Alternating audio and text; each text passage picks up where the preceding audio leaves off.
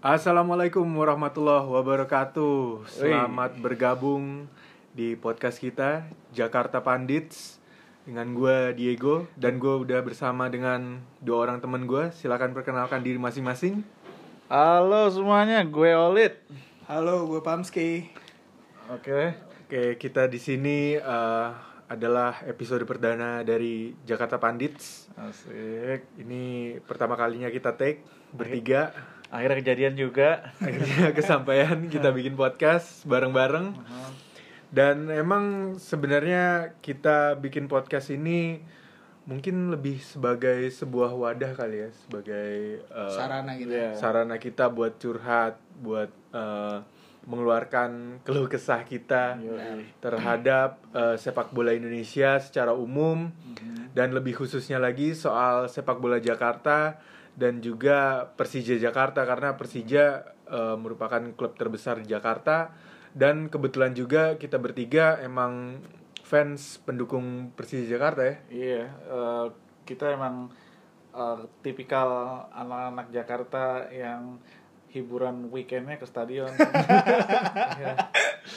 Saat orang-orang nongkrong di Senoparty atau di Duckdown. Duckdown, kita ke stadion. Iya. Tapi abis itu ke down. Ya, ini tetap tetap. Iya, tetap tetap. Jadi Kita harus membaur dengan anak-anak Jakarta Iya. lainnya. betul. Jangan teralienisasi. Betul, betul, betul.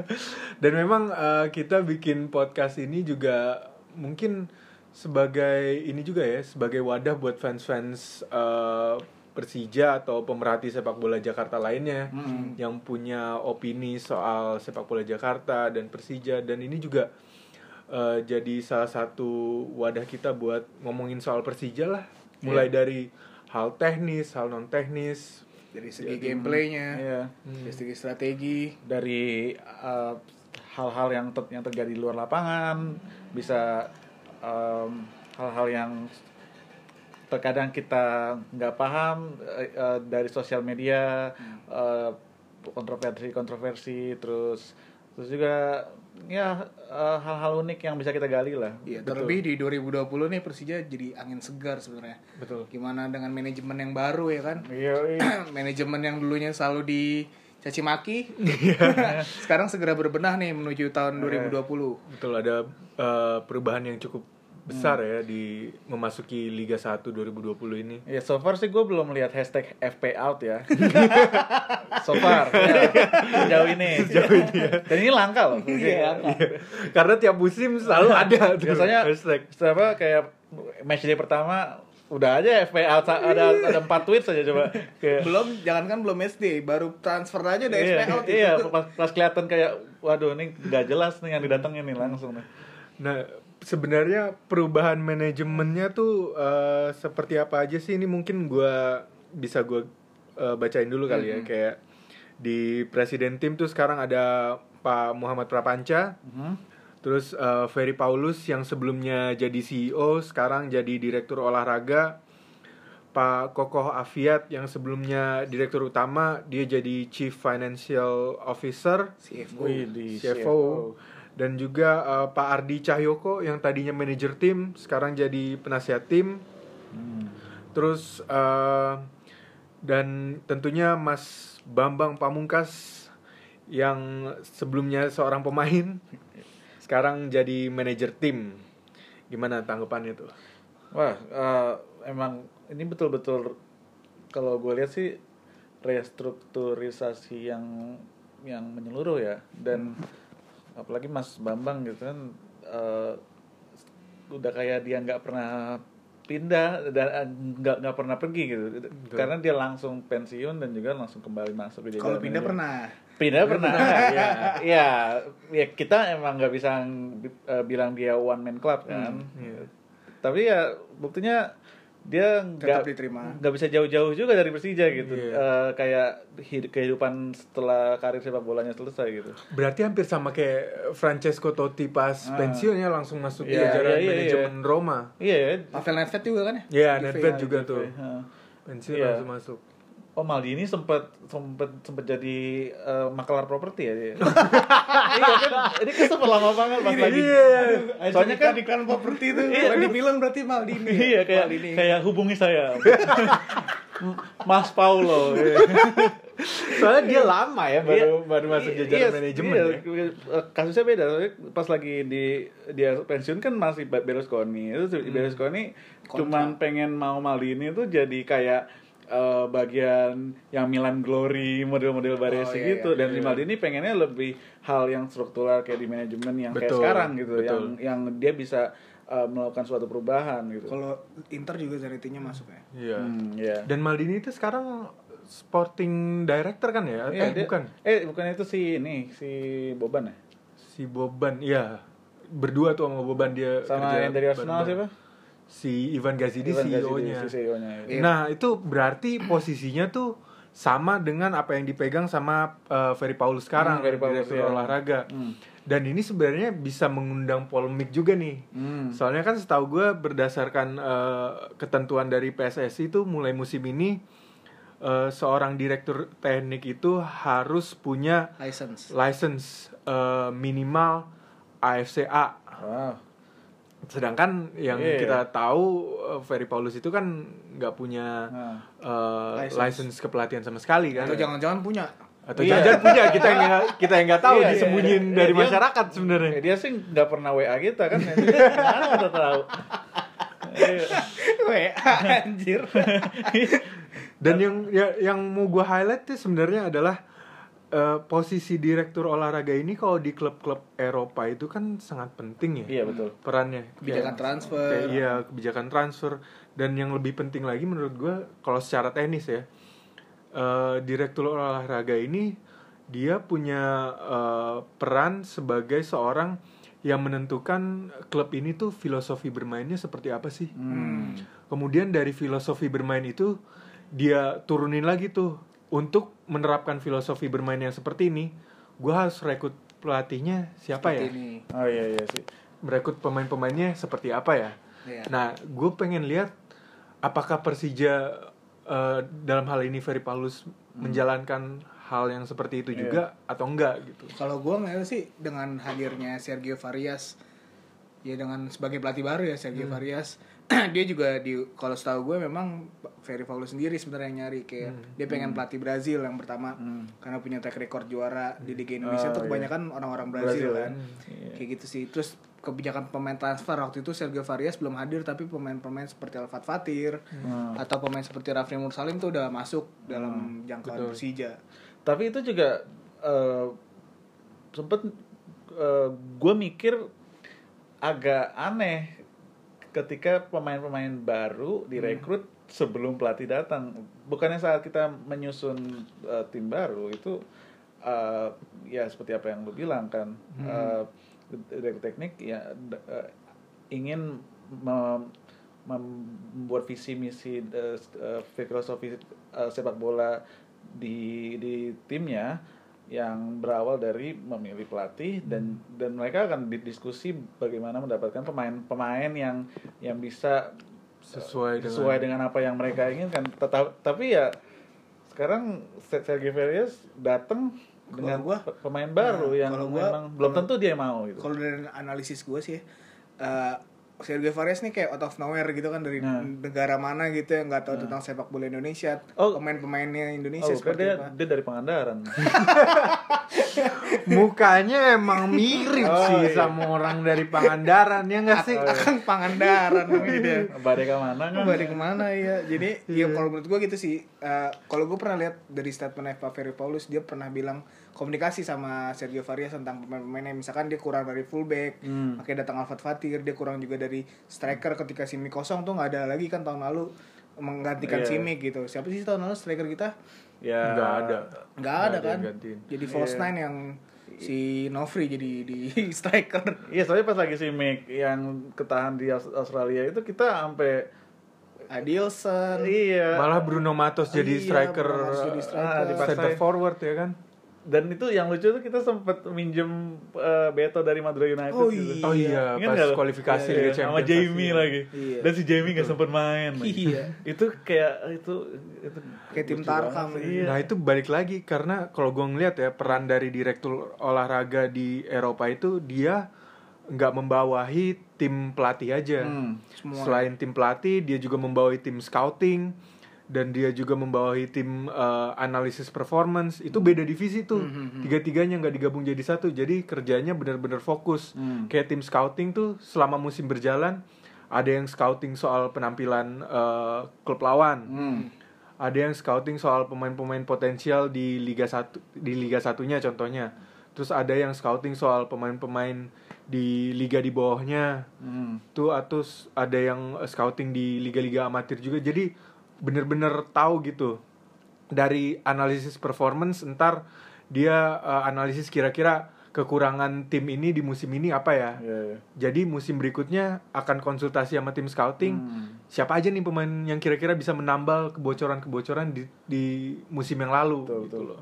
Ya memang eh, harusnya emang gitu sih. Dan memang kelihatan banget dari berapa musim terakhir ini Persija saat ngerekrut pemain kayak buru-buru nggak sih Iya. kayak telat gitu Ya, rekrutmennya. kalau lihat nih yang gua yang gua lumayan gua lumayan eh, agak apresiasi sama Rohit ya. Kalau lu lihat setiap Rohit itu dikontrak balik, itu pasti Rohit jadi kayak ibaratnya eh, prioritas kesekian gitu. Reserve. Iya. Jadi si Rohit tuh seperti kayak oke eh, akhir musim kontrak eh, ini kan kon- kontrak habis dan Rohit balik ke Nepal ya upload upload foto Instagram di gunung. Ya kan?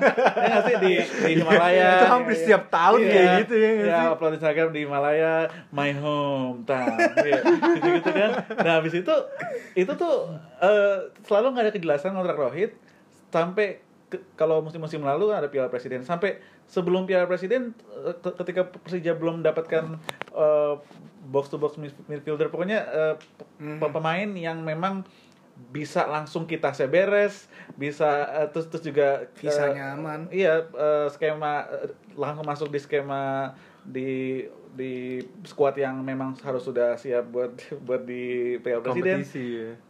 ketika mereka aduh siapa lagi nih Ya, Rohit, Rohit. udah Rohit lagi dah Rohit lagi langsung calling Rohit itu udah dua musim turut kayak gitu Iya. Eh, dan kayaknya musim ini juga deh Berarti total Rohit tuh main di Persija udah 2015 2000 berapa tuh? ya. pokoknya Rohit itu kan pertama kali ke Persija tuh yang sama Paco Kemone yang, Ya. yang setengah musim yang kita hampir yang kita bener-bener di bawah banget terus sama mereka ditopang sampai kita finish papan tengah waktu itu gue inget banget kok itu si Itu itu 2015. 2014 ya 14 15 Iya gitu kan. Yang pokoknya yang saat itu memang Paco itu eh, striker yang kayak penyelamat sih. Iya, iya. penyelamat. Gila dia Dia setengah doang. musim setengah berikutnya kan musim- baru Iya. Dan baru muncul. Iya, habis itu eh musim berikutnya yang KNB League yang Iya, stop itu kan. Iya. Iya. Udah langsung Ah, ah. TSC. Iya, yang kita empat sama di Malang itu terakhir ya. Iya, terakhir itu. Nah, nah, itu kan eh setelah itu Rohit itu sempet dia trial di Denmark. Ya, gue ingat dia sempet trial di Denmark.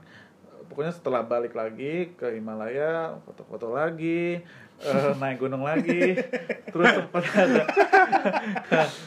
ya, well, oke, gue nggak bisa eh, bilang kalau gue eh, ke Nepal nggak foto-foto seindah itu sih. Kalau orang Nepal, gua juga Iya, gitu gue juga kalau orang Nepal ya lu buka hordeng dikit ah dari Himalaya men Iya, iya. men lah kalau gue sini buka hordeng dikit juga ada yang jual kue putu atau ini kayak beda Dan yang sebenarnya aneh sih eh, musim la- musim lalu itu dia direkrutnya terakhir-terakhir Hmm. Iya. karena Pemain 2018 kan ter- iya. pemain terbaik Ah, di iya, Liga iya. 1 ya nggak sih? Iya, iya, itu itu agak aneh sih kayak eh bukannya lu mau setiap tim kayak tim juara itu mau mempertahankan the winning team ya. Iya. Ya kan ya nggak sih? Tapi ya Teko ke mana Iya, Rohitnya. Tapi gue rasa Sergio Varias juga karena musim lalu pemain apa namanya pemain asingnya yang ada cuman Simic, Sandau, sama Rohit Chan. Yang paling di highlight ya mungkin dua itu Simic sama Rohit. sama ini Joe Thomas. Eh, Juan Jo- Thomas. Juan Juan Oh, Thomas Juan Thomas Juan Thomas ya Juan Thomas ya, rasa Campasol. itu Juan Thomas Campasol gue rasa itu pertandingan asli udah ya paling udah pasti hal yang gue inget dari dia tuh ya gol yang yang satu itu aja tuh yang yang kemarin lawan apa sih? Lawan Persipura. Madura. Eh, eh Madura ya? eh Persipura ya? Persipura Persipura. Persipura yang oh satu lawan, kosong. lawan Madura main penalti semua ya? Lawan Persipura yang satu kosong tuh yang volley. oh Iya, iya iya, makanya itu. itu. itu doang kemungkinan Sergio Varias sih paling yang ngincernya ya si Mik sama Rohit karena Ah, udah ah. kerangka tim kan. Sebenarnya kalau gua pengen highlight nih Sergio Varias mentereng sih sebenarnya ya dari sisi sisi apa uh, prestasinya dia. Hmm. 2000 berapa? 2009 ya dia Iya, pernah iya, jadi di AFC Cup Bukan Nah, dia dia- check up, dia di Liga Champions Asia. Oh, nih, juara di Liga atasnya. Jadi Iya. Sergio Varias tuh 2007 uh, dia juara K-League 2007 uh, li- li- uh, divisi teratasnya Korea. sebagai Liga Korea dan juga sebagai uh, gelar individu dia prestasi individu dijadikan uh, manager of the year gitu Uh, di Korea ya di Korea uh, karena dia uh, antar juara juga Pohang Steelers uh, dan tahun berikutnya dia gagal mempertahankan juara liga tapi dia mendapatkan FA eh, juara FA Cup. Ya, Oh, itu macam Piala Indonesia kalau di sini Iya, iya, Piala Indonesia, Copa di Samsu. Wajib Samsung. ya, itu uh, saat eh, terus tra- track recordnya meningkat gitu setelah itu. Uh, di tahun berikutnya dia juara Champions League, man. Dia juara Champions League Asia dan akhirnya mewakili Asia di FIFA Club World Cup. Oh iya benar Gila itu Nah. eh, dan di FIFA Club World Cup tahun 2009 itu dia eh, peringkat tiga peringkat tiga, peringkat tiga menang lawan Atlante dari klub- Afrika ya Enggak, Me- Me- Mexico. Oh Mexico Iya, Mexico cabron. Nah, terus gue tau Sinaloa doang lu, Sinaloa lu narkos banget sih sama kartel. ya, dia eh, ke- nggak ke final eh, di di final kan ada Barcelona udah nunggu karena kalah sama Estudiantes. di semifinal kalah Di sama Estudiantes ya. Argentina berarti. Argentina dan sih, nggak yang ini cuy nggak apa namanya nggak semua pelatih tuh bisa Iya. main di FIFA World Cup karena di Iya. satu benua cuma ada satu klub Iya. kan Iya, coba mungkin jalan paling gampang ya lu jadi pelatih di Oceania. iya, lu ngelatih Iya, iya. eh, Auckland City. Auckland City juga. Auckland City ya final lawan klub dari Caledonia baru Atau dari Fiji. Dari Fiji, dari Oh, Vanuatu. dari Tonga Island kan. nah, kan Oceania Champions League mungkin lebih gampang daripada ini Makanya. Asia. Dan CV-nya si Sergio Varias ini lumayan panjang sih sebenarnya. Iya, iya. Dia sempat eh, ngelatih klub di Sudan, Hmm. sempat ngelatih di Brazil juga pastinya karena Iya, dia betul. dari sana kan. Terus sempat ngelatih di Mesir juga. Hmm. Jadi udah kayak pengalaman lah. Iya. Dan Iya. dia juga si Sergio Varias ini bawa paketan juga sih. didampingi ya Didampingi sama Stefano Impaliazzo sebagai asisten pelatih. Mhm. Terus juga ada Rodrigo Pellegrino sebagai pelatih fisik. Terus juga uh, ada Osvaldo Lesa yang bakal jadi translatornya dia. Dan juga dari uh, jajaran tim pelatih musim lalu yang dipertahanin tuh ada Coach Sudirman jadi asisten pelatih juga sama Ahmad Fauzi uh, pelatih Eh, kiper. kiper. Hmm, oke. menarik sih di Menarik, menarik, menarik. dengan apalagi dengan hadir Osvaldo Lesa ya gue Iya. rasa juga bukan sebagai translator aja sih dia kan pernah ngelatih Persipura juga kan Iya. secara nggak langsung memberikan ilmu lebih lah sebenarnya Iya. kepada Sergio Varias untuk cepat beradaptasi dengan sepak bola Indonesia sih Dia bisa ngasih input-input Iya, soal iya, sepak bola Indonesia ya. Iya, eh, kalau gue lihat sih memang ada keseriusan dari manajemen bagaimana membuat Sergio Varias eh, lebih cepat beradaptasi iya benar-benar dan dan langsung bisa eh, membawa Persija ke ini Skema yang diinginkan skema ya. yang dia inginkan gitu dan ya, ya gue sih so far gue suka sama sama attitude dia walaupun kadang gue kalau dia nggak ngupdate Instagram ya anjir Nick lu kayak sebagai pelatih Persija gitu ini foto cari resolusi yang bagusan minta gitu Ya, sama kan. imam atau apa pantesan dari Pangandaran aduh Masih gaptek mungkin Iya. dia ya. Lu, ka- lu, lu lihat deh Instagramnya foto-fotonya kayak gue gregetan aja ya coba ntar pemirsa Iya, coba ini- dicek di Ya, IG-nya Sergio Varias. harus ada ini dia kayak marketing PR, PR. PR-nya PR Tim PR ya. Cuma berarti overall sejauh ini kerja dari manajemen terutama direktur olahraga Ferry Paulus tuh udah Patut- lebih baik iya, ya daripada betul. musim-musim sebelumnya gitu. ya kita em, memang su- suka mengkritik Ferry Paulus dari zaman kapan tahu kan? Hmm. Cuma- cuman ketika dia terlihat melakukan sesuatu yang beda dan lebih serius kita apresiasi juga Betul. Nah, Dan terbukti eh, di sebelum dimulainya Liga 1 musim ini udah ada lumayan banyak tuh Hmm, pemain-pemain oh, baru yang pemain-pemain direkrut. baru. dan ini nggak kejadian di musim-musim sebelumnya Wow, iya, terutama ini- dua musim terakhir ya. Dan pemain-pemain baru ini bisa dibilang cukup eh, wow ya. cukup cukup kelas A ya kayak Alistair semua gitu. Coba di coba kita rekap dulu coba coba di, rekap siapa aja yang udah masuk. Pemain-pemain baru yang udah masuk tuh ada Alfat Fatir Oh. dari Madura United. Badai mana? Terus ada Otavio Dutra dari Persebaya. Men ada Rafli Mursalim dari Mitra Kukar. Terus ada Evan Dimas Darmono dari Barito Putra Damn. ada Evan siapa lagi nih Dimas. ada Marco Mota Mhm. akhirnya diresmikan dari Omonia dan kita sama-sama tahu juga dia sempat main di Juven- AS Roma, Iya. di Juventus, Juventus, Atalanta. di Genoa, Mhm. malah melintang di Italia dan seluruh penjuru dunia lah ya. Iya. jadi Benvenuto Marco Benvenuto, Bergamaschi Boy. Bergamaschi boy. Bergamasco Bergamasco Bergamasco. Nah, eh, dari rekrutan-rekrutan Persija sejauh Satu ini lagi gue ada yang lupa. Oh, siapa tuh? Mark Anthony Klopp. Oh iya, Wey. Mark Anthony Klok. masa lu? Ditransfer dari PSM Makassar. iya Kontraknya lumayan panjang. Empat tahun. loh. Iya, Empat tahun. gila. Ternyata emang dia di Makassar tuh masih tersisa 4 tahun. Mhm. Oh. Jadi umur dia sekarang 26. Ya umur 30 lah dia baru bisa. Iya dia, Makanya- dia dia di Makassar emang kontraknya long term ya bikin coffee o'clock langsung ya bikin coffee Iya. apa ya. Iya loh, di sini mungkin Boleh lah. buka cabang dia. iya Jack Lock. Iya, Jack Lock iya. Tapi eh, kalau kalau gue lihat sih yang paling gue eh, lumayan salut sama manajemen tuh em, Evan Dimas sih karena eh, itu gue dari dulu selalu mikir kita emang butuh pemain kayak Evan Dimas. Hmm. dan eh, awalnya mikir kita butuh main kayak Evan Dimas. Eh yang ditangin Evan Dimasnya gitu. Bukan kayak Evan Dimas. Ya nggak sih? Jadi Iya, kayak kayak oh, kayak oh you need a player like Ev- Evan Dimas I give you the Evan. Kayak buset. Lu gak usah cari lagi yang kayak Evan Dimas deh.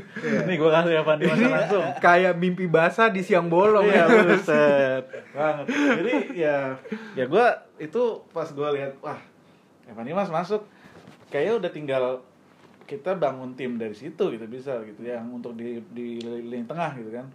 Dan juga ada Alfred Fatir terus Otavio Dutra. Men Otavio Dutra terakhir kali gue lihat di di ini di mana eh gue Di GBK bukan eh gue ter- terakhir kali lihat di, Oh. di Malaysia di Bukit Jalil yang kita away. Yang Oh away. iya, woi, betul. gila gue Otto, Otto Veruta tuh ini badan gede banget Eh, dia terus dia cekatan gitu kan Betul. eh, duet sama Yanto Basna gitu terus terus dia juga eh, suka kayak eh, so- soloran dribbling ke depan gitu dan Bawa bola. Iya bawa bola dan, dan itu gue suka, suka banget eh, CB yang berani kayak gitu. gitu.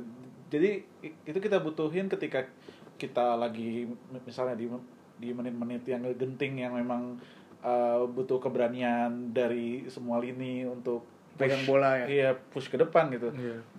Dan ya kayak kayak ini aja kayak Evan Dimas aja gue bilang kita butuh CB yang kayak Otavia Dutra nih pas lagi di Jalil gue mikir eh dikasih The Ova- Otavia Dutra gimana kan? Impian-impian lu terkabul Iya, semua iya, nih berarti. terkabul semua makanya 2020 kayak ini lumayan happy sih gue awal-awal ini gitu Terlebih eh, di 2018 eh 2017 dia juga sempat juara kan Evan Dimas sama Taufik Dutra di Bayangkara Iya kan? di Bayangkara betul.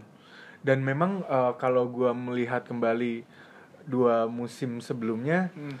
eh, beberapa sektor permainan Persija tuh butuh pemain-pemain yang lebih baik sih. Hmm. Kalau menurut gua kayak di sektor pertahanan tuh di center back sama di back kanan itu kita butuh banget pemain baru. Iya. Betul, betul. Karena kelihatan banget musim lalu nggak ada pemain center back yang benar-benar Iya. bisa jadi andalan buat lini belakang kita. Setuju banget. Terus buat right back terlepas dari status eh, Haji Ismet Sofyan sebagai legenda, kita tentunya pasti respect banget sama dia. Tapi gua ngelihat musim lalu Hmm. Turun. performanya dia tuh nggak seperti performa Tahun Ismet. Sofyan sebelum sebelumnya ya. Ya, Kayak pas kalau lu juara masih oke masih oke mainnya. Cuma kalau lu lihat musim lalu banyak banget eh, kita kebobolan dari sektornya Kanan. Haji Ismet. Hmm.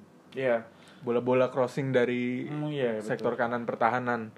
Selain itu, gue ngeliat juga yang jadi eh, yang harus diperbaiki sama Persija itu kita nggak pernah pen- punya pemain gelandang tipikal nomor 6 Yang berani pegang bola. Iya, yang berani betul. pegang bola dan saat em, fase-fase transisi dari menyerang ke bertahan dan fase-fase bertahan itu kita belum punya pemain yang benar-benar bisa bagus di fase-fase itu Iya, iya. karena gue lihat di dua musim terakhir sering banget kan Sandi Sute dipasang di situ Iya, iya. tapi sering banget dia out of position Betul, betul. di fase-fase itu jadi saat Persija diserang itu langsung ketemu sama center back Iya, iya. ketemu iya. langsung ketemu Maman ketemu Ryuji Hmm. Makanya, betul, iya, betul. makanya ini di 2020 kan kalau analisis evaluasi kita lah Hmm. kita semua Persija kurang megang bola di tengah ya. Sekarang di 2020 kita punya Evan Dimas, kita punya Markok, kita ada Iya, Richard, iya. ada Sute. Ya kita ini berlimpah banget di, di Iya. posisi itu. Jadi betul lebih percaya diri lah menghadapi musimnya. Iya, lebih nggak sabar sih. Lebih sebenarnya. sabar kayak ah ini match day pertama kan bulan depan kan.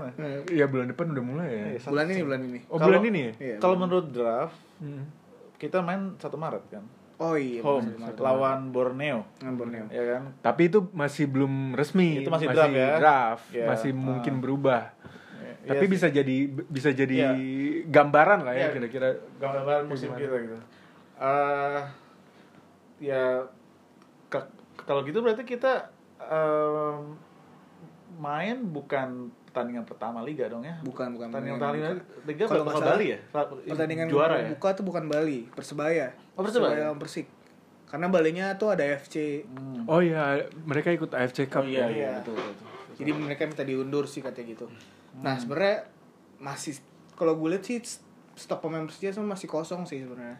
Apa tuh? Kalau misalkan di sayap sih kan ada Rico, Simic, nah di kirinya ini Oh, iya. masih ada kemungkinan Masih banyak ada. banget nih ada Hersus, ada Ramdhani juga bisa ditaruh situ. Betul. Atau Novri bisa di situ, tapi gosip-gosip yang santer kan juga terdengar kabar kan bahwa Osvaldo Hai Osvaldo Hai, iya. Uh. Akan bergabung dengan Persija Jakarta. Cuma katanya kemarin udah sempet pamitan ya dia. Iya kayaknya sih udah sempet pamitan di Surabaya, pamitan sama ini kayaknya sama Buaya sama Sama Yu ya. sama Yunya kayak di patung atau kayaknya. Jadi secara eh mekani apa kayak mekanismenya kan juga awalnya sebelum diumumin klub ke Persija Ngomongin diri dulu ya. dia kan di m- mengundurkan diri dulu Hmm. tapi nggak undur ya maksudnya Kayak siapa tuh? kayak saya saya mau mengundur dari dari Makassar jaga-jagain kopi o'clock Iya ya, pas kan si Mark Klok kan pamitan video keren banget ya. Iya. Kenapa pas yang itu pindah nggak bikin video ya? Anjir, gue. Iya sama sekali nggak ada. iya. Iya dan dan kita tahu Mark Locke itu kemungkinan besar gabung kita kan ke- kemungkinan besar ki- yang kita akhirnya mikir oh ini berjanji beneran nih gitu si Mark. Locke bekerja ketika ada postingan dia di Instagram da- eh, Pamit. pamit dan juga si PSM juga ada sudah ada eh, farewell terima kasih Iya. Locke dan lain. Nah itu yang terjadi dengan Osvaldo Hai juga kan. Iya. Iya. Udah pamit. Jadi ya Itulah kenapa kabarnya Oh, sangat santer sekarang. betul sekali. Tapi terlepas dari Osvaldo Hai kan kemungkinan besar dia akan diplot di sayap Sayap kiri, kiri. kan. Tapi kalau menurut gue yang menarik buat gue justru eh, di posisi itu adalah Febi Eka. Oh, Feby Hmm. Putra ya. Karena gue ngeliat dari musim lalu pemain ini sebenarnya punya potensi yang besar sih. Hmm. Kalau gue ngelihatnya. PBK Putra ya. Tapi entah kenapa musim lalu tuh dia di- nggak dikasih Jam terbang. jam terbang Iya, lebih kepercayaan gitu, lebih atau ya. kepercayaan lebih malah lebih dikasih kepercayaan ke Hersus Hmm. Kalau gue sih melihatnya lebih seru sih apa persaingan kompetisi di lini depan Persija ya. Hmm, iya. Soalnya kan ketika ada persaingan pasti pemain akan menampilkan performa di lap, di latihan di latihannya kan. Iya, betul. Jadi pengen nunjukin siapa yang paling baik, ngerebutin starting Betul, line up tuh pasti seru banget. Betul. Dan harapan sih VBK, Hersus ataupun nanti Osvaldo yang masuk itu membuktikan aja tuh di lap- di, Iya. di latihan-latihan. Betul, betul. Biar Betul. semakin meningkat juga kan Iya. karirnya dan performanya mereka gitu sih. Setuju, Dan setuju. kalau kalian ngelihat dengan rekrutan yang udah ada sejauh Hmm. ini, kira-kira menurut kalian Sergio Varias ini akan memainkan eh, taktik atau formasi atau strategi yang seperti apa sih? Kalau gua sih Sergio Varias pak bakalan pakai strategi ini menurut analisa gembel gua aja ya. Iya. gua pasti pakai pak ngeliat dia pakai 4-3-3 sih. Hmm. Yang di kanannya udah pasti Afat Fatir ya. Padahal Afat Fatir ini di Madura dia sebagai back kiri kan sama Randy Karama tapi gua rasa dia juga bisa main sebagai back kanan. Makanya dia dibawa ke Persija atau dibawa yang ke Persija. Nah, di tengah dab- eh, di center back ini gue masih penasaran sebenarnya Marco Motta tuh bakal ditaruh di mana antara itu di right back atau di back tengah. Tapi kayaknya sayang banget sih kalau kita punya pemain asing yang mahal itu bakal ditaruh di back kanan. Kemungkinan sih bakal ditaruh di back tengah bareng sama Otavio Dutra. Terus di kirinya udah pasti Rezaldi Heanusa. Hmm. Di tengah nih yang menarik pasti udah pasti Mark Klok, Rohichan sama Evan Dimas nih menarik banget sih pegang bola eh eh, Persija di musim depan nih bakal menarik banget. Sangat menggiurkan ya. Iya sangat menggiurkan aliran-aliran bola, umpan-umpan terupas-terupasnya ya kan. Yoi banget. Nah di depannya tinggal Rico, Simic, yang di kirinya antara Osvaldo Hai atau Hersus dan VB Kaputra. Nah, Kalau dari Lulit, kalau dari gue, eh sebenarnya sama sih pam sama lu pam. Gue, gue sempat masuk yang suka empat tiga tiga sih. Karena gue kalau main FIFA juga selalu pakai empat tiga tiga. Jadi gue Lu sangat Villanesia sekali iya, ya. iya, sangat eh, Perut Gulit nih. iya, iya. Gulit. versi FIFA ya. Dan itu eh, kalau dari se- segi pemain yang ditaruh di 4-3-3 itu eh, kemungkinannya sama sih di kanan Alvar Fatir eh, terus duet center back tuh eh, Marco Motta dan Otavio Dutra. Tapi eh, terlalu dini menurut gua untuk Menilai. untuk, untuk menilai mereka berdua karena eh, walaupun nama mentereng mereka berdua ini kita belum bisa eh, tahu seberapa bagus pairingnya eh, sementara walau eh, Ryuji dan Maman kita, kita tahu plus minusnya semuanya kan Dan udah sering main bareng juga Iya, ya. betul betul Chemistry-nya udah dapet.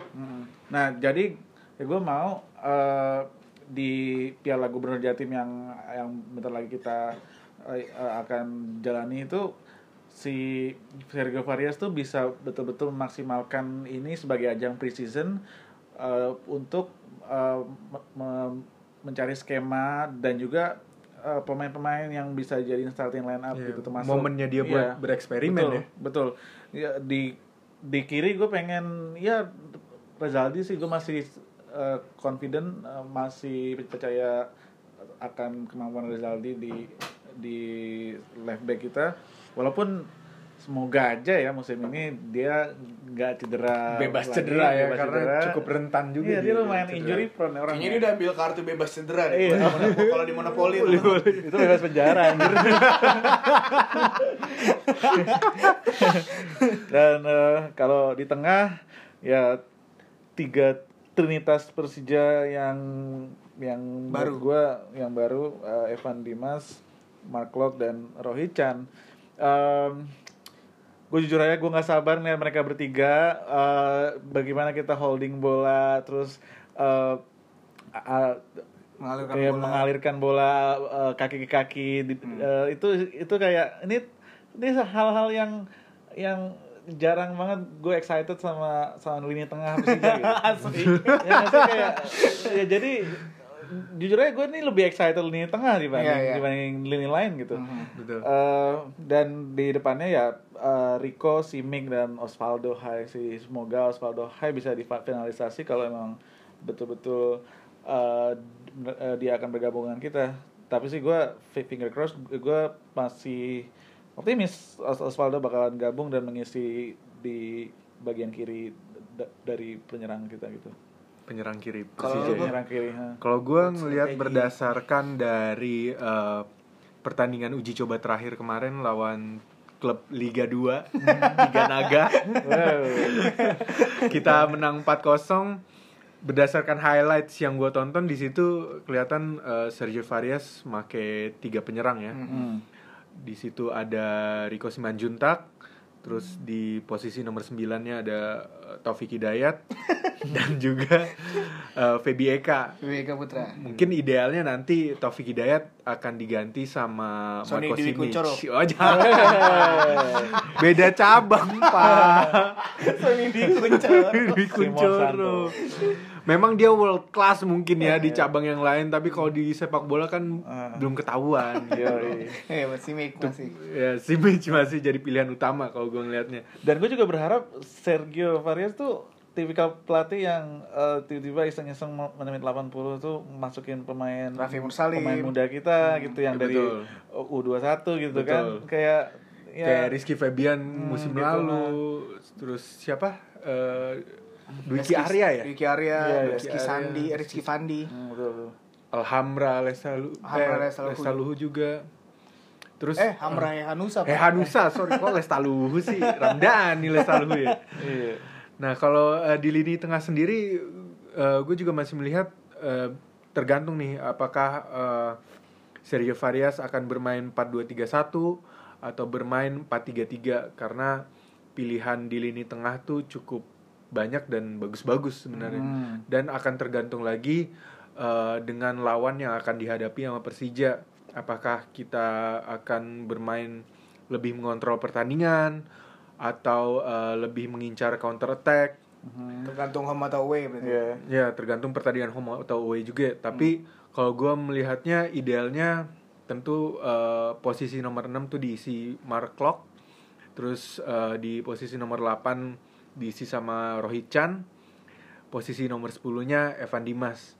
Dan untuk lini pertahanan di kiri gua berharap banget eh, Rezaldi Hanusa bisa mengulangi performanya di dua musim yang lalu eh, tahun 2018 sama 2017 karena 2019 kan dia banyak cedera dan saat main tuh dia nggak Dalam bermain sebaik ya, Nggak sebaik maksimal ya? sebelum-sebelumnya. Dan tentunya kita berharap juga dia bisa bermain lebih baik malah Betul. daripada tahun 2017 dan 2018 terus eh, untuk eh, center backnya sendiri gua seca- ini kita ngomong idealnya ya. Iya.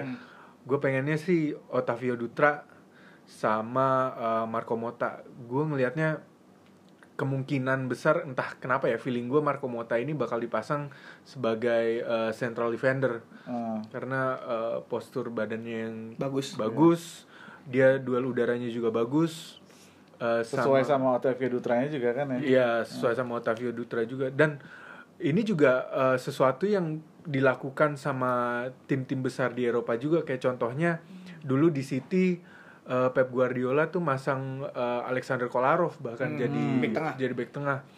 Kenapa? Supaya eh, Manchester City waktu itu bisa megang bola lebih bagus lagi sirkulasi Iya, dari bisa ngebangun serangan dari Iya. bawah. Dan gue ngeliat kan tuh iya. Marco Mota Oh punya iya punya ball playing yang bagus, Iya. Otavio Dutra juga. Jadi kita bisa lebih mengontrol pertandingan. Wow. Kalau punya dua center back yang bisa megang bola. Berarti nih di musim 2020 itu passing dari kiper ke back tuh udah kan di dalam gawang kan sekarang. Eh di dalam gawang, sorry. Oh, no. di dalam kotak Dalam penalti kotak ya. penalti, Itu udah iya. bisa dilakukan sih ya. Oh, iya, Betul. iya. Sepak bola modern ya kan di Eropa betul. kayak gitu semua. Hal-hal kayak gitu ya. Hmm. Iya, jadi kita bisa ngebangun serangan dari bawah sih. Jadi nggak langsung tuh depan Iya. depan. dan dan kalau misalnya mereka memainkan bola di dalam kotak sendiri kayak kena apa pressure dari dari lawan gitu juga mereka juga kalau eh, misalnya main away gitu ya terus eh, kena pressure eh, di sa- sama tim lawan tuh di ea eain sama penonton juga mereka nggak ngerti aja jadi nggak akan Jadi nggak akan down ya Iya, mentalnya. Soalnya pemain asingnya nggak mungkin nonton acaranya Tukul. Oh, iya. ngerti. yang di, dikira Marco Mota m- mungkin ada Lenong atau ada Enggak, Dia justru nge-chance. wah gue Oh, disemangatin iya, nih. iya, iya. Iya kan? Iya, iya. Jadi gak bakal kagok ya. Iya, apalagi dia mainnya di Yunani kan tahun lalu kan. Iya. Secara garis besar mungkin sama. Sama gitu. ya. Kelakuan-kelakuan Iya. supporternya hampir sama. Nah, kalau untuk kedalaman squad menurut lu gimana, Go? Kedalaman squad gue pikir udah cukup bagus ya. eh, untuk menambal eh, setiap posisi itu udah ada pemain-pemainnya lah kayak Hmm. Kalau gue menurut gue kan eh, ideal gue bek kanannya tuh Alfat Fatir ya gue mungkin orang-orang akan berpikir eh, Haji Ismet akan menjadi cadangan Hmm. eh, mengisi posisi saat Alfat Fatir nggak bisa main Kalau gua enggak. Kalau Gua gua juga nggak. Ah. Kalau gue Gua- mah yang nge- nge-value dia eh, pengalaman dia di pertandingan-pertandingan penting sih menurut gue. Ya. Betul. Ya nggak sih? Nah, bisa, bisa. Justru kayak misalnya Afal Fatir main di Bandung gitu. Gue gue kayak hmm itu Pasti dia ada di ruang ganti buat Iya. ngangatin atau memberi jangan mungkin. Iya dan dan juga eh, ya Haji Isman bakalan ada eh, menjadi role role model juga buat Afal Fatir untuk be- belajar lebih banyak gitu. betul lu dan kalau gue ngelihatnya Si ini gue uh, pengen banget uh, Dwiki idealnya ya? ya Nah. bukan Dwiki Rizky Febian Oh, iya, Rizky Rizky gue pengen Rizky Febian dikasih uh, kesempatan lebih besar musim ini karena gue ngelihat musim out ya. lalu ya itu saat dia dipasang tuh cukup bagus sih dia Kalau di nggak salah dia masuk lawan match lawan apa ya? Persipura atau Persebaya gitu. lawan Madura United Madura juga ya? dia main Madura tuh. ya? itu bagus dia mainnya Yang menurut gue ada potensinya iya lah. pemain Iya. muda tenang, berani megang bola, Nah, nah. terus decision makersnya tuh tepat gitu kapan Iya. passing, kapan kapan diumpan gitu. Hmm. dan defendingnya pun cukup rapi sih Iya. Rizky Febian gak yang gerasa gerusu gitu j- Jadi first impressionnya juga langsung mikir, oh pakai lagi nih orang gitu. Ah. Iya, betul Iya benar-benar. terus sih.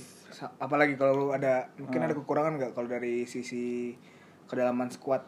kedalaman squad eh, mungkin Ya, yang lu harapkan eh, yang eh, ini soalnya ada ini mungkin kita lebih percaya diri gitu. Hmm.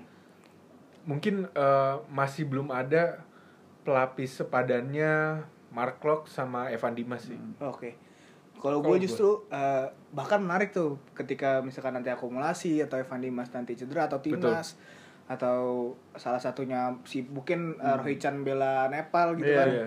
Itu gue bakal menarik banget eh bakal menarik banget melihat Sandi Suten ya. Apakah Oh, dia iya. bakal ngerubah permainannya dia Hmm. untuk merebutkan starting line up Betul. atau dia hanya Iya. emang ingin berliburan aja musim depan. Iya, ini kita eh, mungkin Sandi Sute kan selalu menjadi starting kan Hmm. di eh, tiga musim terakhir nih dan mungkin kemungkinan besar musim ini bisa jadi musim terberat Sandi Sute Iya, dengan kedatangan Mark Locke, Mark Locke, Evan Evan Dimas. Dimas.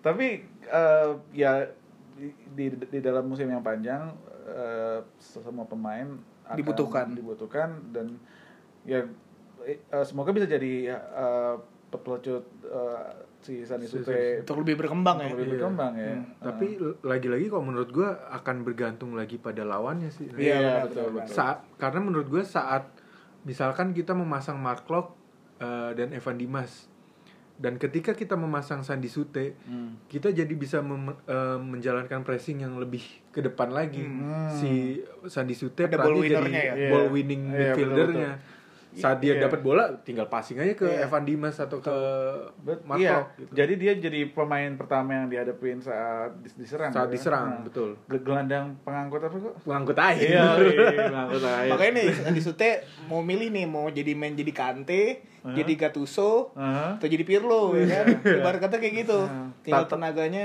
mau dia jadi apa pun di Indonesia jadi Aquaman dia.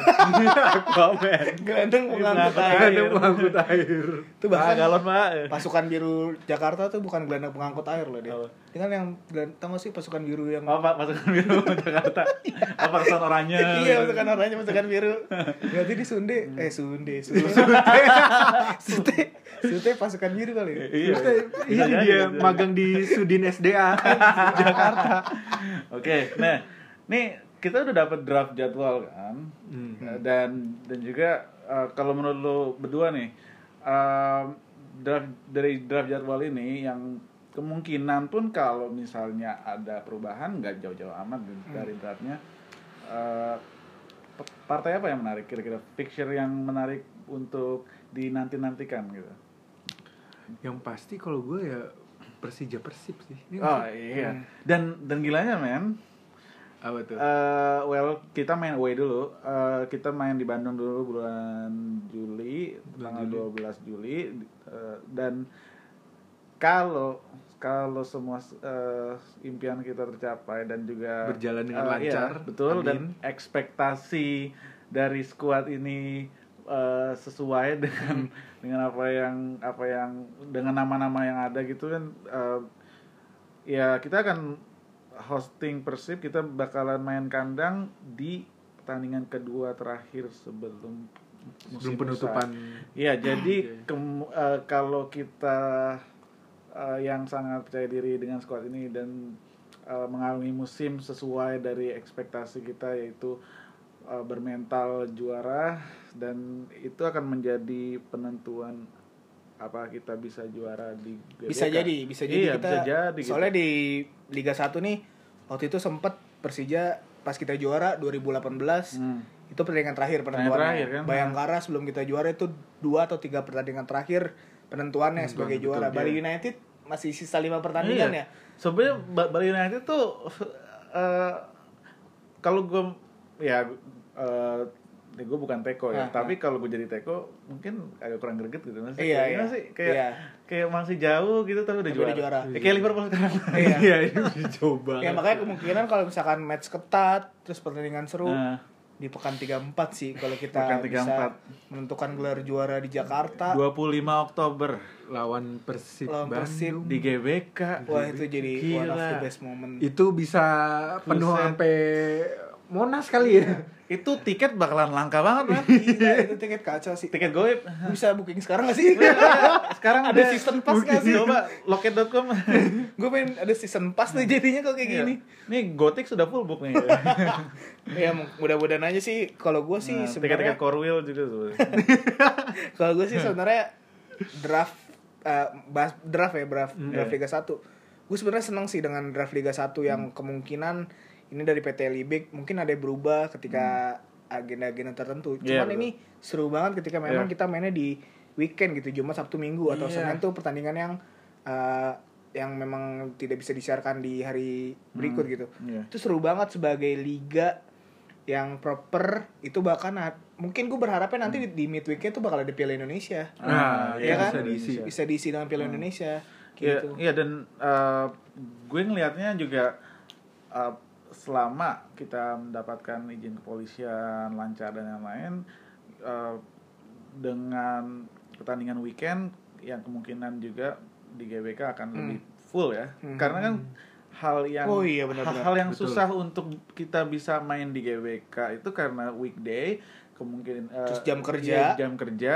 kan kan kita selalu main sore kalau weekday Hmm. ya Betul. itu eh, makanya kita ujung-ujungnya main di Patriot karena eh, di di GBK kan percuma ba- percuma rugi juga gitu bazir. Nah, eh, biaya sewa Ah. nombok ntar gitu dan dan akhirnya eh, dengan draft ini yang kita lihat kebanyakan eh, Sabtu atau Minggu jadi eh, ada optimisme yang yang ti- tidak ada di musim sebelumnya yaitu Hmm. melihat GBK eh, full secara reguler Betul. Ya, wah ini kayak ini kayak di Inggris banget gak sih lu Iya. kerja Senin Jumat Heeh. kecuali Diego kerjanya kan bisa Iya. Nah, Bisa serabutan. Iya. lu ke- kerja Senin tapi Jumat Diego kemungkinan kerja di pinggir lapangan Oh, ada, iya, bisa juga. Bisa. iya. liputannya kan kerja Nah. Senin sampai Jumat terus lu hari Sabtunya atau Iya, minggunya lu iya. ya refreshingnya ke GBK gila Iya, ini kayak ini emang working class entertainment nih. Iya, woi, gokil tuh kata-kata itu.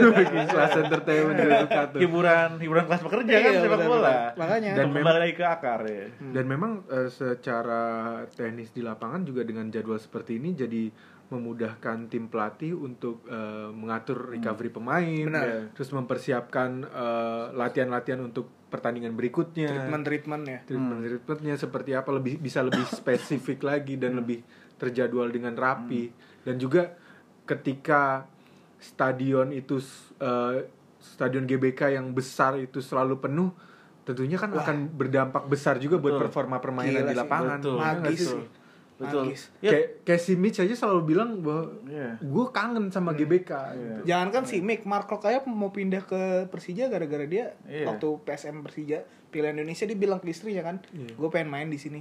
Gila. Dia bilang ke istrinya kayak gitu, makanya dia sekarang di Persija gila Terus, bilang. Istrinya bilang ke lo? Enggak, itu ada itu, itu ada, di di, oh, di, di sosmed. Oh, di, di interview, di interview di, interview. di YouTube kalau nggak oh, salah. Oh, gue kira yeah. lu ini. gue kira deket ya. Kayak satu, satu TK dulu gitu. Gue kira gue pegawai kopi O'clock aja. Ah. Nih ya yang yang yang lagi menarik yang menurut gue dari draft jadwal Liga 1 musim ini itu hmm. kita uh, tujuh pertandingan awal berapa kali ya? Satu dua tiga empat, lima kali. lima kali kita home. Hmm. kira men. Jadi kayak hmm, uh, bulan maret kita dua kali home sekali away. Pertandingan perdana kita itu lawan borneo eh, satu maret di gbk ya hmm. uh, kemungkinan besar uh, dan juga abis itu langsung uh, mencoba untuk memperbaiki uh, rekor akhir musim lalu kita kedatangan persebaya lagi. Hmm. Se- se- seminggu kemudian tanggal tujuhnya Ini gitu duel panas nih. Iya. Duel musimnya kan. gila Dengan ini pelatih barunya Iya, ya, si kalau mus iya ini kan dia Eduardo Persebaya Perez. gitu. Iya da- dan Eh, kok Eduardo pemain- Perez? Oh, Eduardo Perez. Pemain-pemainnya. Kan Mainnya. Nah, dan Otavio Dutra langsung kayak, "Woi, old mates." Dutra. Iya. Oh, mates. Evan Dimas. Ah, Kalau jadi orang-orang, ya. gila ini menjadi uh, suatu Pembuktian. Iya, laga personal bagi mereka kan, ya, orang-orang Surabaya. uh, dan habis itu kita away Bayangkara, masih juga di Jakarta paling ya. Itu kena Itu- macet doang gitu. Iya, iya makanya. Itu away rasa home sih. Iya. Jadi itu sebenarnya kita nggak ke mana-mana. Itu cuma beda dua lampu merah kalau nggak salah. Iya, makanya kita kita stay di Jakarta. Eh, April juga 4 April Persi Kediri kita eh, home. Habis itu lawan Persiraja eh, Itu home juga? Ha, ja- Persi Kediri sama Persiraja dua klub eh, pro promosi, Promosi ya. yang akan kita welcome di Jakarta. Eh, menarik ya Persiraja gitu, jauh-jauh dari Aceh kan. Eh, dan dan juga Persi Kediri yang kita sudah udah lama banget ketemu. Iya. Gila. Dulu gue inget banget sempet ribut tuh Persik lawan Persija. Iya. Zamannya Christian Gonzalez. Gua waktu terakhir ke Brawijaya tuh 2013 kalau nggak salah. Buset. Masih itu masih ma- itu ribut kalau nggak salah Iya. sama Jayati sama apa lah fansnya Ya, ultras gua- ultrasnya persik Ya gue jujur eh, dulu sempet ini sih gue kayak eh, menjadikan Persik itu suatu eh, pencapaian Persik Kediri pas zaman Christian Gonzalez, Ronald Fagundes Ronald Fagundes dan Danilo Fernando. Danilo Fernando Fernando. itu Musikan. eh, Iya, eh, pencapaian dia di di Liga Champions Asia 2007 Oh, wala- iya. walaupun mereka nggak lolos grup, tapi mereka masih punya kesempatan lolos grup di pertandingan Terakhir. di match day ke-6. Itu gila. Satu satu grup sama Sydney FC, sama Urawa Reds yang akhirnya jadi juara. Iya. Sama eh, satu lagi itu eh, Shanghai Shenhua. Shanghai Shanghai Nah, Shenhua. Eh, itu mereka unbeaten di Solo di eh, soalnya Brawijaya nggak lolos verifikasi jadi main di Solo. Dan sejak saya itu gue kayak kayak lumayan lumayan ini kayak menjadikan Persik itu sebagai benchmark nih eh, klub Indonesia kalau di Asia harusnya kayak kayak seheroik Persik per- Persik gitu. Soalnya Persik kediri itu dulu bisa nahan Urawa tiga sama loh di Solo. Di Manahan. Eh, di Manahan terus menang sama Sydney FC 2-1 sama Shanghai Shenhua juga menang. Jadi ya welcome back Persi Kediri dan juga eh, selamat datang Persiraja pertama kali ya di enggak Enggak, waktu. Liga Indonesia ya maksudnya di di Liga 1 Oh, yang di Liga Oh, sekarang ya. Nah. sekarang ya. Nah, yang menariknya lagi nih men, ya, setelah kita nggak ke mana-mana setelah li- lima pertandingan pasti langsung awal, semua ya Iya. Oh enggak, maksudnya lima pertandingan awal kita di Jakarta. Hmm. Abis itu away-nya langsung mana? Langsung ke ujung Indonesia. Persipura. Jayapura. Pura. Nah, berarti gitu- pinter berarti yang Iya, ngatur jadwal nih. Iya, iya, jadi nabung dulu Nabung eh, langsung jauh mainnya. Dan Iya. itu kira-kira Persipura ini bakalan pakai stadion baru nggak sih? Enggak yang Papua sih. Bangkit tuh udah Papua udah ready Bangkit. belum? Soalnya kan mau buat pon. Buat ya? pon ya. Mungkin jadi tester gitu. Kayak yang didaftarin masih yang lama sih Iya. sepertinya Iya. Mandala ya? Ngandela Dan kemungkinan juga akan dipakainya setelah pon sih. Iya. Setelah pon ya. Oke. pasti. Yang yang bakal di- dijadiin home base Persipura Iya, ya. base Persipura. Nah. Ya abis itu kita home lagi. kalau nih gue pengen nanya sama lu semua nih sebagai pertanyaan penutup Nah, Eh, match mana eh dari jadwal tersebut nih di Liga 1 match mana yang kira-kira lu pengen banget datang tapi di laga away satu Nah, aja Hmm, hmm, menarik. yang satu Eh, lu dulu kok. Gua eh, kemungkinan besar masih penasaran sama Sleman sih. Hmm. Away Sleman ya, Iya, Lagu Harjo. Sama gua Harjo. Itu tanggal berapa? It, away Sleman kita September, 11 September. Di draft sih tanggal 11 Wah. September. Kalau lu, lihat Kalau gue jujur eh, karena kemarin gue belum ya? Belum sempet ke Bali, gue pengen sih lawan Bali United. oh Bali United. Oh, itu juga menarik sih. Nah, eh, kemarin gue sampai sekarang masih menyesal eh, melihat lu semua ke Bali. Gua Jadi, enggak, gua dia enggak. enggak, Oh, lu enggak ya? doang. Ini doang. Oh, eh, ya Diego ngeliat Diego ke, ke Bali, gue juga pengen ke Bali jadinya Dia- eh, untuk menonton bola ya. Eh, ya itu Bali United 4 Oktober. Jadi akhir musim kalau kita pulang ada juara itu, itu bakalan terulang 2018 lagi. 2018 ya. Hmm. Kalau lu gimana? Kalau lu gimana, Bang? Kalau gue dari draft sih sebenarnya yang menarik tuh ada tiga sebenarnya. Yang pertama PSIS dengan stadion barunya Oh kan, iya, stadion Jati Jatidiri. Diri, Jati diri. Selanjutnya Persita, tetangga kita nih. Oh iya, Persita ya. Stadion Persita. Benteng Taruna ya? Iya, stadion barunya juga sama Persiraja nih. Yang kemungkinan sih gue juga sebenarnya sayang banget kalau misalkan dia main di stadion Ah. yang lamanya dia gue pengen main di stadion baru. Cuman antara tiga ini masih sangat sulit. Iya. Kemungkinan sih yang paling gue tunggu banget sih main di Persita sih Iya. di stadion Dan juga deket juga gitu Iya. kan. Nah, Itu sih. Wah, gila. Dan itu bisa membludak juga sih. Kia itu itu Tiket loh. bakal susah juga Iya. tuh. Ya soalnya soalnya anak Jack juga banyak yang di daerah Persita gitu. Iya, iya. Yang tinggal ngesot doang kan. Betul. Oke deh. eh, mungkin se- se- sekian ini dulu kali ya eh, episode perdana kita yang yang memang eh, akan menggali lebih banyak lagi di episode berikutnya untuk untuk kalian semua yang suka dengan obrolan ngalur ngidul nggak jelas kita ini eh, stay tune untuk episode-episode berikutnya dari Jakarta Pandits. ciao Ciao. Ciao.